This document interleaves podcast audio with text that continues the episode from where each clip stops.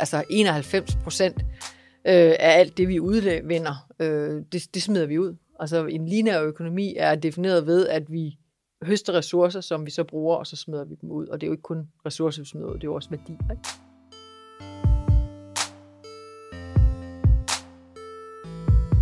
Du lytter til podcasten Vi taler om det.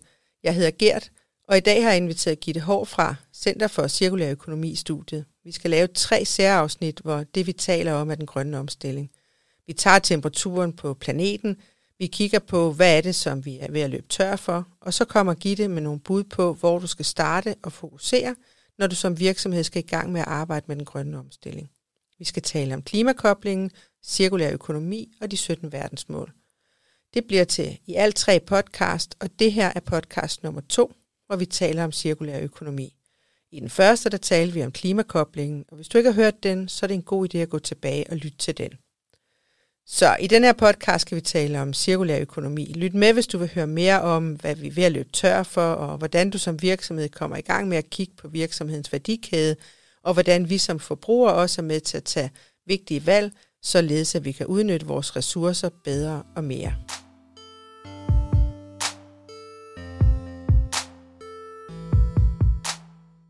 Gitte, bog nummer et handler om, øh, om cirkulær økonomi. Kunne du ikke øh, gå lidt op i helikopteren og så sige lidt om, hvad er cirkulær økonomi for en størrelse? Fordi jeg tænker, at vi alle sammen har sådan en eller anden idé om det, men det kunne være meget rart lige at få ja. sat ord på det. Jo, men altså cirkulær økonomi er jo sådan et, et, et begreb, som er opfundet her de senere år, men det er jo øh, egentlig noget, der skal løse den udfordring, vi står i, fordi vi er løbet tør for ting. Vi har simpelthen ikke ting nok øh, på jorden, øh, eller ressourcer nok på jorden til at forsyne os, i hvert fald ikke på den måde, som vi lever nu. Øhm, så cirkulær økonomi helt kort handler om at genbruge og genanvende os, vores ressourcer, så vi bliver øh, uafhængige af at skulle blive ved med at høste øh, råstoffer fra naturen.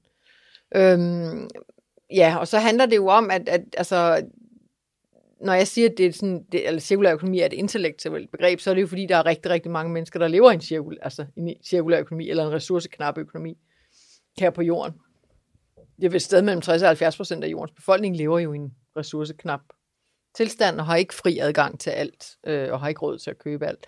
Øh, og det er jo heller ikke særlig længe siden, vi andre levede i en ressourceknap økonomi. Jeg er vokset op på husmandssted i Østjylland, øh, og, og der var altså der var ikke noget affaldshåndtering, for der var ikke noget affald. Øh, så, så, og, og det var jo også en cirkulær økonomi, bare af lidt andre grunde. Øh, så så det, en cirkulær økonomi er, hvor vi skal til at tage vare på ressourcerne på en ny måde.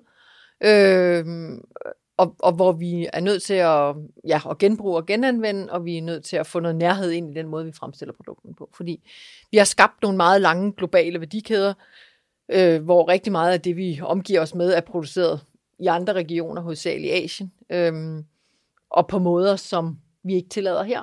Så vi har jo skabt en masse god miljølovgivning i den her del af verden. Vi får så bare fremstillet vores ting et andet sted. Øhm, så det er jo et spørgsmål om at få få styr på vores øh, materialestrøm, få genanvendt og genbrugt, og få skabt noget, noget dokumentation for, hvordan er det egentlig, vi håndterer det. Ja. Så hvad er forskellen på genbrug og gen, genanvendelse, hvis man nu skulle tage fat i det? Det var sådan to begreber, du sådan lige nævnte. Genbrug, det er, når jeg sælger min skjort til dig. Altså når et produkt bruges, som det er designet til, også hos flere på hinanden følgende brugere, så er det genbrug.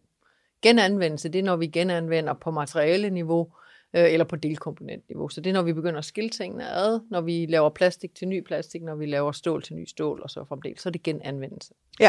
Og vi skal jo gøre, vi skal jo først skal vi jo lade være at bruge, forbruge så meget, og så skal vi til at genbruge rigtig meget mere, altså så vores produkter får en længere levetid, og vi skal kunne vedligeholde vores produkter, så vi kan bruge dem rigtig længe. Um, og så til sidst, så skal vi genanvende ressourcer. Så vi skal egentlig helt fri for udvinding af jomfruelige ressourcer og helt fri af det, der hedder affald. Vi kan simpelthen lukke de her materielle kredsløb uden et særligt stort spild ud af systemet. Ja, så det handler vel både, altså det handler vel om at minimere spild, altså at vi bruger det hele af, af et produkt, altså at vi bruger hele grisen eller hele, hele grøntsagen, ikke at vi minimerer det spild, som der kan, kan være i vores forbrug. Ja, det er, en, det er en del af det, og det er lige før, jeg vil sige, det er den mindste del af det. Altså, ja. vi skal minimere spild, øh, og vi skal lade være smide over Altså afskære overflod væk, det skal vi bruge. Men det handler i høj grad om at designe vores produkter anderledes, og i særdeleshed om at forbruge vores produkter anderledes. Ikke? Øhm, og så handler det jo rigtig meget om, at når altså 91 procent øh, af alt det, vi udvinder, øh, det, det smider vi ud. Altså en lineær økonomi er defineret ved, at vi høster ressourcer, som vi så bruger, og så smider vi dem ud. Og det er jo ikke kun ressourcer, vi smider ud, det er jo også værdi. Ikke? Øh, der laves hvert år øh, til World Economic Forum et, en, en rapport over øh, jordens cirkularitet, som præcis viser det her. Ikke? Det er kun 9%, vi er i stand til at genbruge og genanvende. Så, øh, så, så det er jo også en, en helt ny måde, at, eller det er jo ikke en ny måde at tænke vores produkter på, fordi vi har jo været i en ressourceknap økonomi øh, før. Mm. Men, men, men vi skal simpelthen du, tage meget mere vare på vores produkter og meget mere vare på vores ressourcer og lade være smide ud. Altså vi er simpelthen væk fra konceptet. Affald. Det er jo noget, vi mennesker har opfundet. Der er jo ingen andre organismer, der laver affald på den måde. Ja, jeg tænker også noget som engangsprodukter, ikke? Altså mm. noget, som, som vi kun kan, kan benytte os af en gang. Ja. Ved at give affald. Ja. Og der er jo rigtig meget, vi i højere og højere grad definerer som engangsprodukter. Men et godt, godt eksempel er jo emballage. Ikke? Vi skal jo ikke andet end 20 år tilbage, hvor vi havde masser af emballagesystemer, der baserede sig på genbrug. Øh, især sådan noget transportemballage og sekundær emballage. Øh, og nu har stort set alt emballage, øh, indgangsemballage. Og, og, og ved, altså, der er bare ting, vi meget nemt kan designe os ud af, eller, eller lave systemer, som gør, at vi, vi genbruger øh, meget mere. Så, så, så ja, så væk med hele, væk med hele tænkningen omkring, at noget kun kan bruges en gang. Hvis vi, hvis vi ikke lykkes med det, hvad, hvad sker der så? Jamen, altså det her, det er, altså, den cirkulære økonomi er ligesom øh, designet og lovgivet for, øh, for at, at, at, at, øhm, at understøtte den europæiske velstand. Altså når vi kigger ind i EU-lovgivningen og EU's Green Deal, som, som cirkulær økonomi hører under, så er det simpelthen for at, at, at, at sikre, at vi kan bevare en eller anden form for velstand. Jeg er ikke sikker på, at vi kan bevare nødvendigvis den samme velstand, som vi har nu, fordi kampen om ressourcer er startet, og vi har gjort os afhængige af nogle meget lange og meget sårbare værdikæder, som nu bliver brudt op, mm. om, også på grund af en krig, men også på grund af en handelskrig om ressourcer, øh, de store regioner imellem. Øhm, så, så, så hvis ikke vi får lavet en cirkulær økonomi, så er vi jo i en situation, hvor vi, vi udvinder ikke ret mange råstoffer i, i Europa. Så vi, løber, vi er nogle af dem, der løber først tør for ting. Ja. Så det er simpelthen vores velstand, der er på, på spil her. Ja. Og så er det selvfølgelig planetens bæredygtighed. Mm. Det skal man jo heller ikke kæmpe sig af. Nej, og jeg tænker, jeg, jeg ved, du har en pointe i forhold til det her med affaldssortering, og i forhold til at få os som forbrugere med på vognen i den her cirkulære økonomi. Kan du ikke sige noget om det? Jo, altså der, vi har jo i Danmark for nogle år siden vedtaget øh, sådan en, en sorteringsvejledning, som er en beskrivelse af nogle ressourcefraktioner, øh, som vi skal, vi skal sortere vores affald i øh, med henblik på at få startet den her cirkulære økonomi. Øh, og nu bliver de jo indført ude i kommunerne. Mange bor jo i kommuner, hvor det, hvor det allerede er indført, men inden 1. juli 23 skal alle kommuner have indført kildesortering øh, ude, i, ude i husstandene med, med 10 fraktioner. Øh, og det er en virkelig vigtig del, synes jeg, af, at, øh, at, at vi som forbrugere faktisk lærer, hvad det er, vi omgiver os med. Fordi det viser sig faktisk, at forbrugerne rigtig gerne vil sortere, og, og ret hurtigt bliver bevidst om, hvad de har med at gøre. Jeg, ved, jeg er ret sikker på, at rigtig mange forbrugere er blevet overrasket over, hvor meget plastik der er i vores affald, og hvor meget emballage der er i vores affald.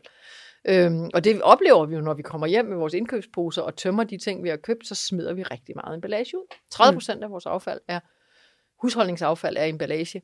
Øhm, det tænker jeg, at vi kunne gøre væsentligt bedre. Ikke? Så, så, så det der med at få skabt en nærhed, og en, en nærhed til de produkter, vi køber, men sandelig også en, en, en nærhed til de ressourcer, vi bruger, er en vigtig del øh, af det også at, at sortere vores affald og blive bevidst om, hvad det er, vi, vi har med at gøre, og hvad der er i systemet. Der er jo nogen, der mener, at vi bør gøre det her industrielt, altså simpelthen sortere vores affald med, med optiske systemer og alt muligt, og udover at det ikke er helt så nemt, som man tror, det er altid bedre med en, en ren fraktion, der kommer fra kilden, som det hedder. Kilden, det er altså også forbruger, mm. også det smider ud i skraldespanden. Øhm, Øh, og jeg er meget optaget af, at vi skal simpelthen have noget nærhed og noget forståelse tilbage i, hvad det er for nogle produkter, vi omgiver os med, og hvad det er for nogle ressourcer, vi er afhængige af. Mm.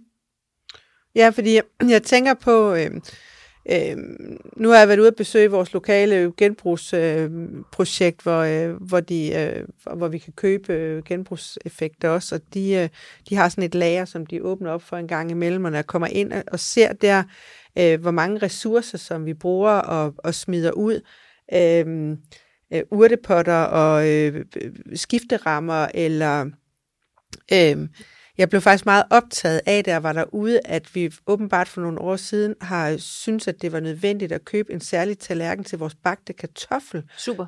Øh, og, og, og de ligger sådan i stakkevis derude, ikke? Og hvor jeg sådan tænker, øh, hvornår var det egentlig, at vi var i en situation, hvor vi, hvor vi tænkte, at det var vigtigt for os, at vi havde en særlig tallerken til den bagte kartoffel, ikke? Øh, men, men, men det gør også, at jeg som forbruger lige pludselig bliver opmærksom på, altså hvor vildt et et forbrugssamfund, som, som jeg har været en del af. Præcis, præcis. Og den, den bevidstgørelse er virkelig vigtig, for der er rigtig mange gange, vi kan stille os selv spørgsmålet, behøver jeg det her?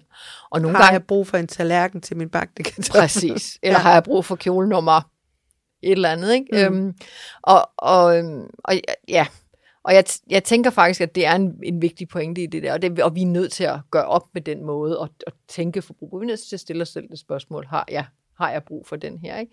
Mm. Øhm, ja, jamen, jeg, og jeg har det ligesom dig, jeg besøger nogle gange en virksomhed ude i Tøjstrup, der hedder Træsborg, som er Danmarks største sorterer af tekstiler.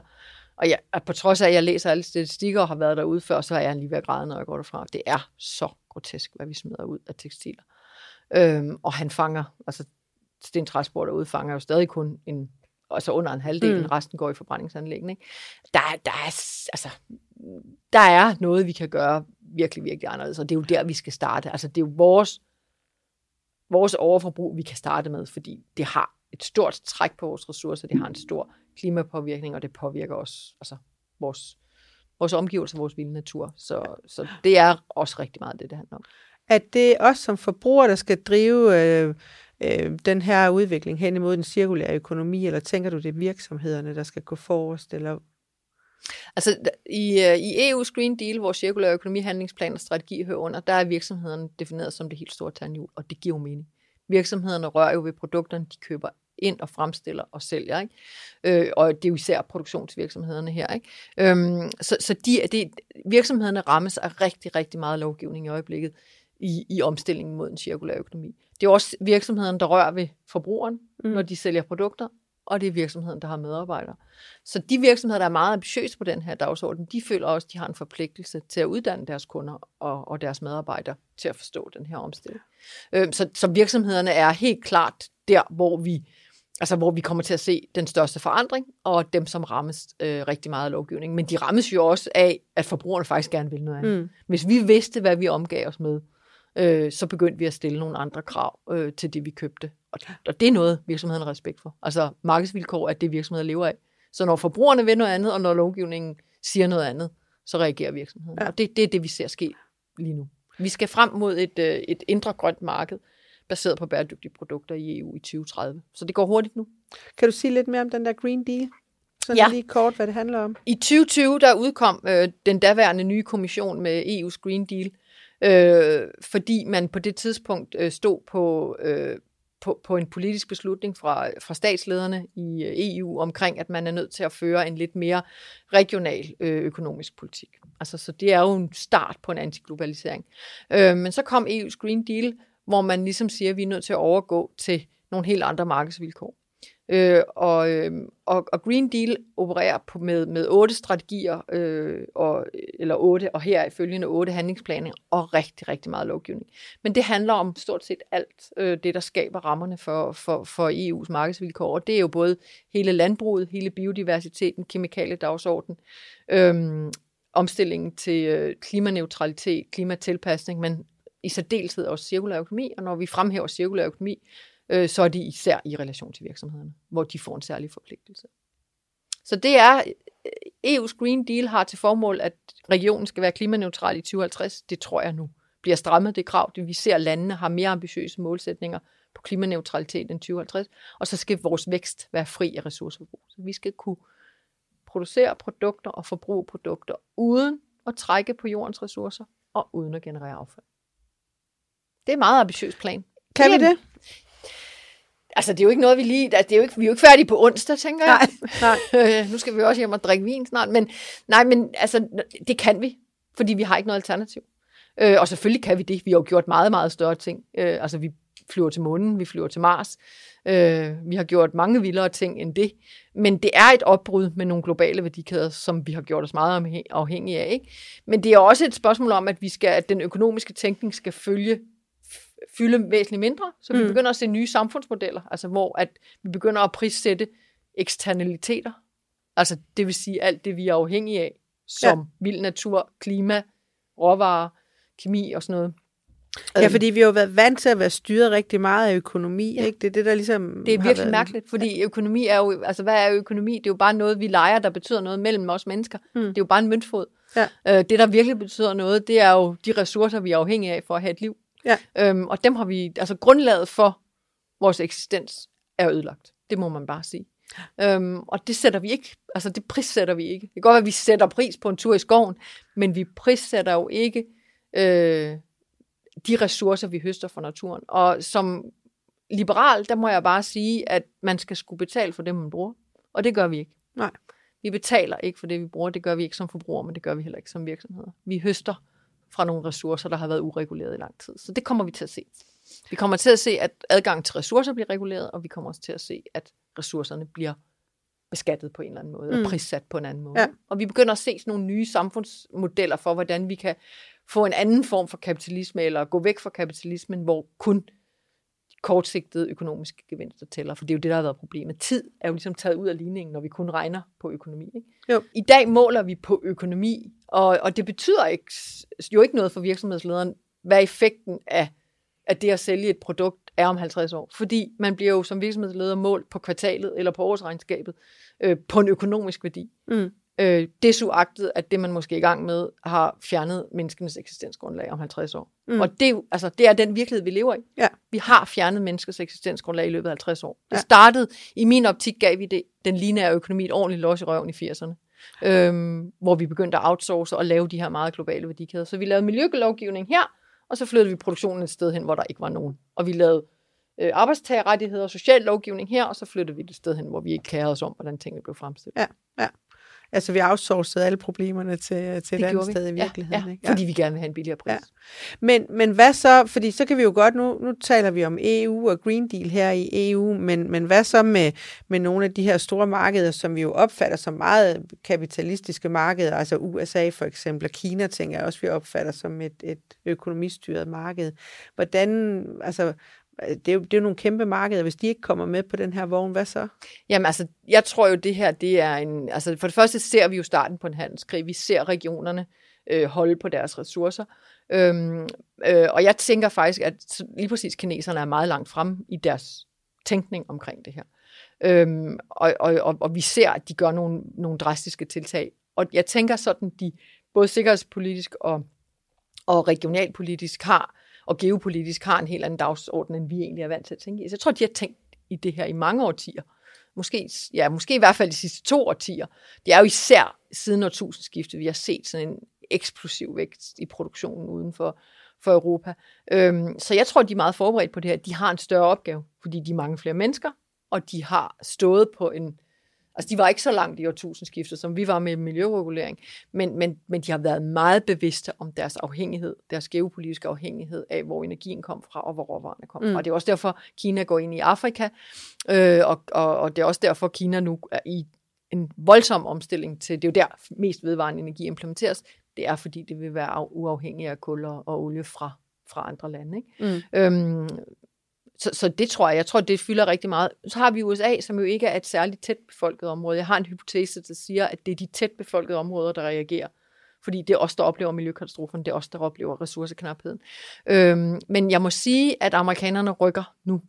Øh, og det er også der, der investeres rigtig, rigtig meget i omstilling til den vedvarende energi. Og amerikanerne er, som du siger, drevet af penge, og den vedvarende energi er rentabel, så vi har langt flere private investeringer, der går ind i, øh, i omstillingen til vedvarende energi- men også det amerikanske militær er virkelig langt i deres omstilling. Øhm, og jeg oplever i øjeblikket, at øh, amerikanerne kigger meget mod Europa, og, og den nye øh, EU-regulering, der især er kommet de sidste par år. Øhm, og altså, jeg tror, jeg kan nævne 10 kapitalfonde, der er startet i, øh, i USA, som har cirkularitet som deres mål, altså investere i virksomheder, øh, der taler ind i den cirkulære økonomi.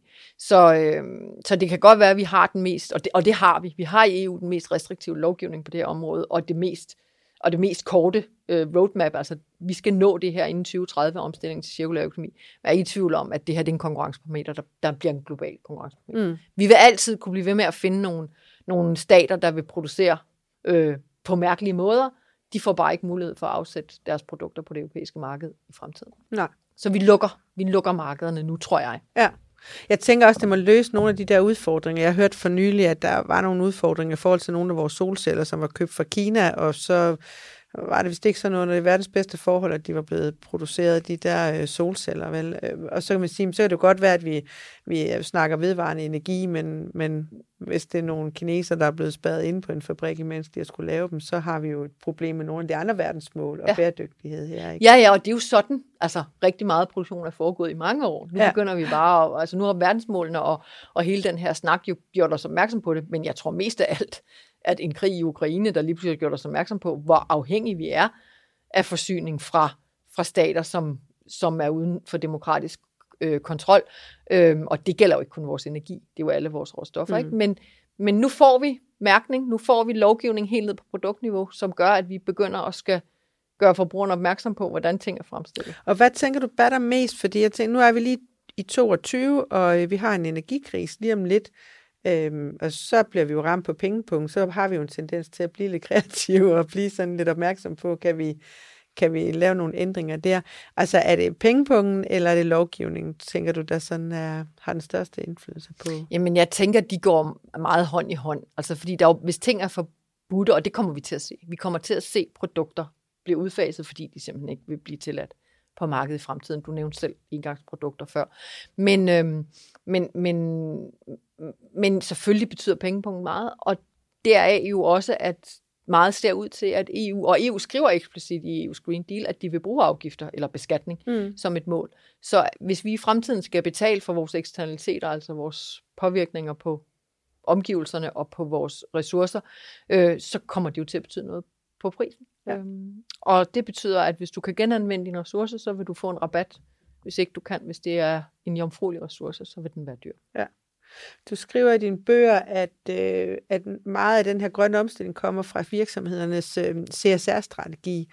Og, øh, og, og så tænker jeg, men, men hvad tænker du, der er vigtigst, at det kommer indenfra eller udefra? Og kan man overhovedet sige, at de der CSR-strategier kommer inden, indenfra, hvis vi nu skal være ja, altså, lidt frække og sige, det er måske også noget, de er blevet pålagt at skulle lave i, ja, i sin tid. Ikke? Ja, og jeg, jeg tror, øhm, altså jeg plejer jo at sige, at hvis vi skal lykkes med den her omstilling, så skal vi have så skal vi have CSR ud af kommunikationsafdelingen. Ja. Øh, fordi virksomhederne har jo i Danmark siden 90'erne skulle rapportere på deres, øh, på deres CSR-mål, i hvert fald de store virksomheder.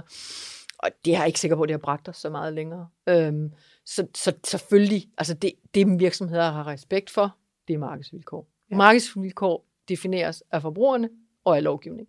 Så det kommer ud fra det her. Ja. Jeg, øh, og, og, og, og der er meget, meget stor forskel på, med hvilken hast virksomheder reagerer. Der er nogen, der virkelig kan se et potentiale for at gøre noget anderledes. Der er også nogen, der har det dybfølte inde i sig, ja. som gerne vil noget andet. Og som også er træt af en konkurrence af billige produkter, som de godt ved, de ikke kan konkurrere med, øh, men hvor de faktisk måske oprigtigt gerne vil en anden kvalitet.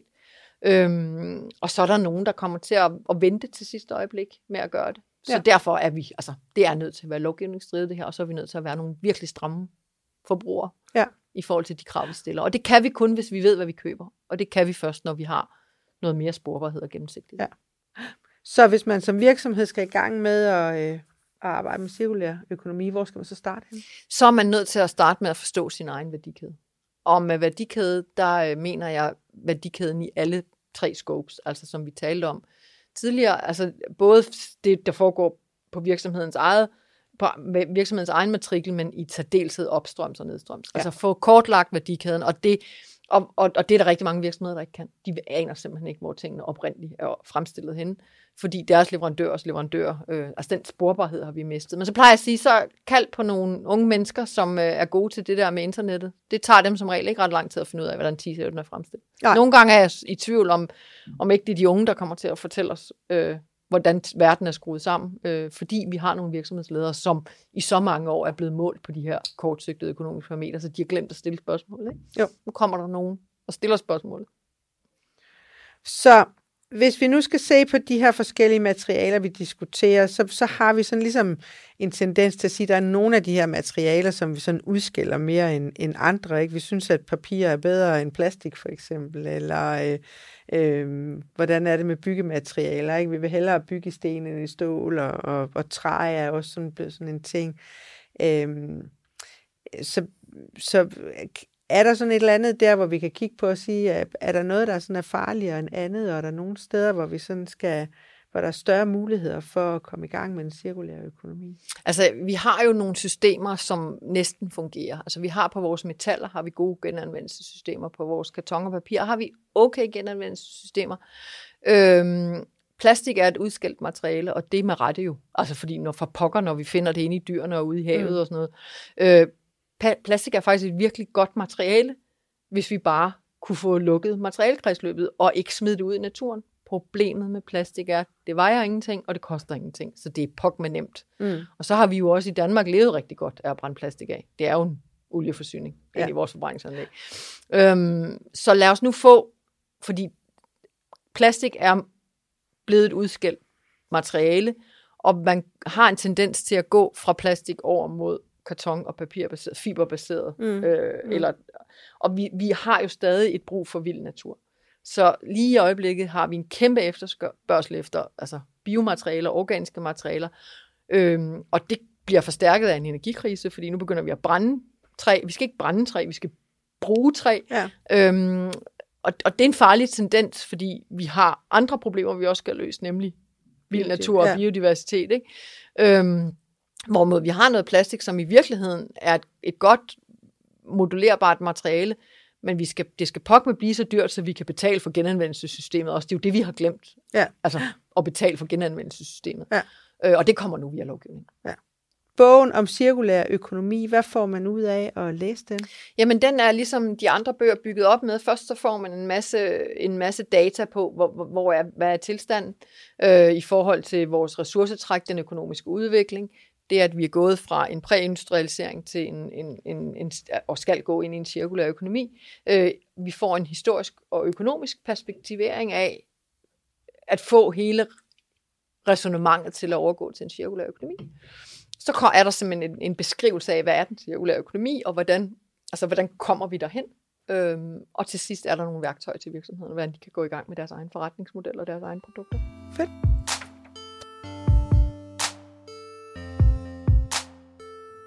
Du har lyttet til det andet afsnit af Vi taler om det, nummer to ud af i alt tre særafsnit med fokus på grøn omstilling. Jeg har Gitte Hår i studiet, og vi har sammen talt om cirkulær økonomi. Lyt med i næste afsnit. Her der taler jeg med Gitte om de 17 verdensmål og hvordan virksomhederne kan inddrage dem i deres arbejde med den grønne omstilling.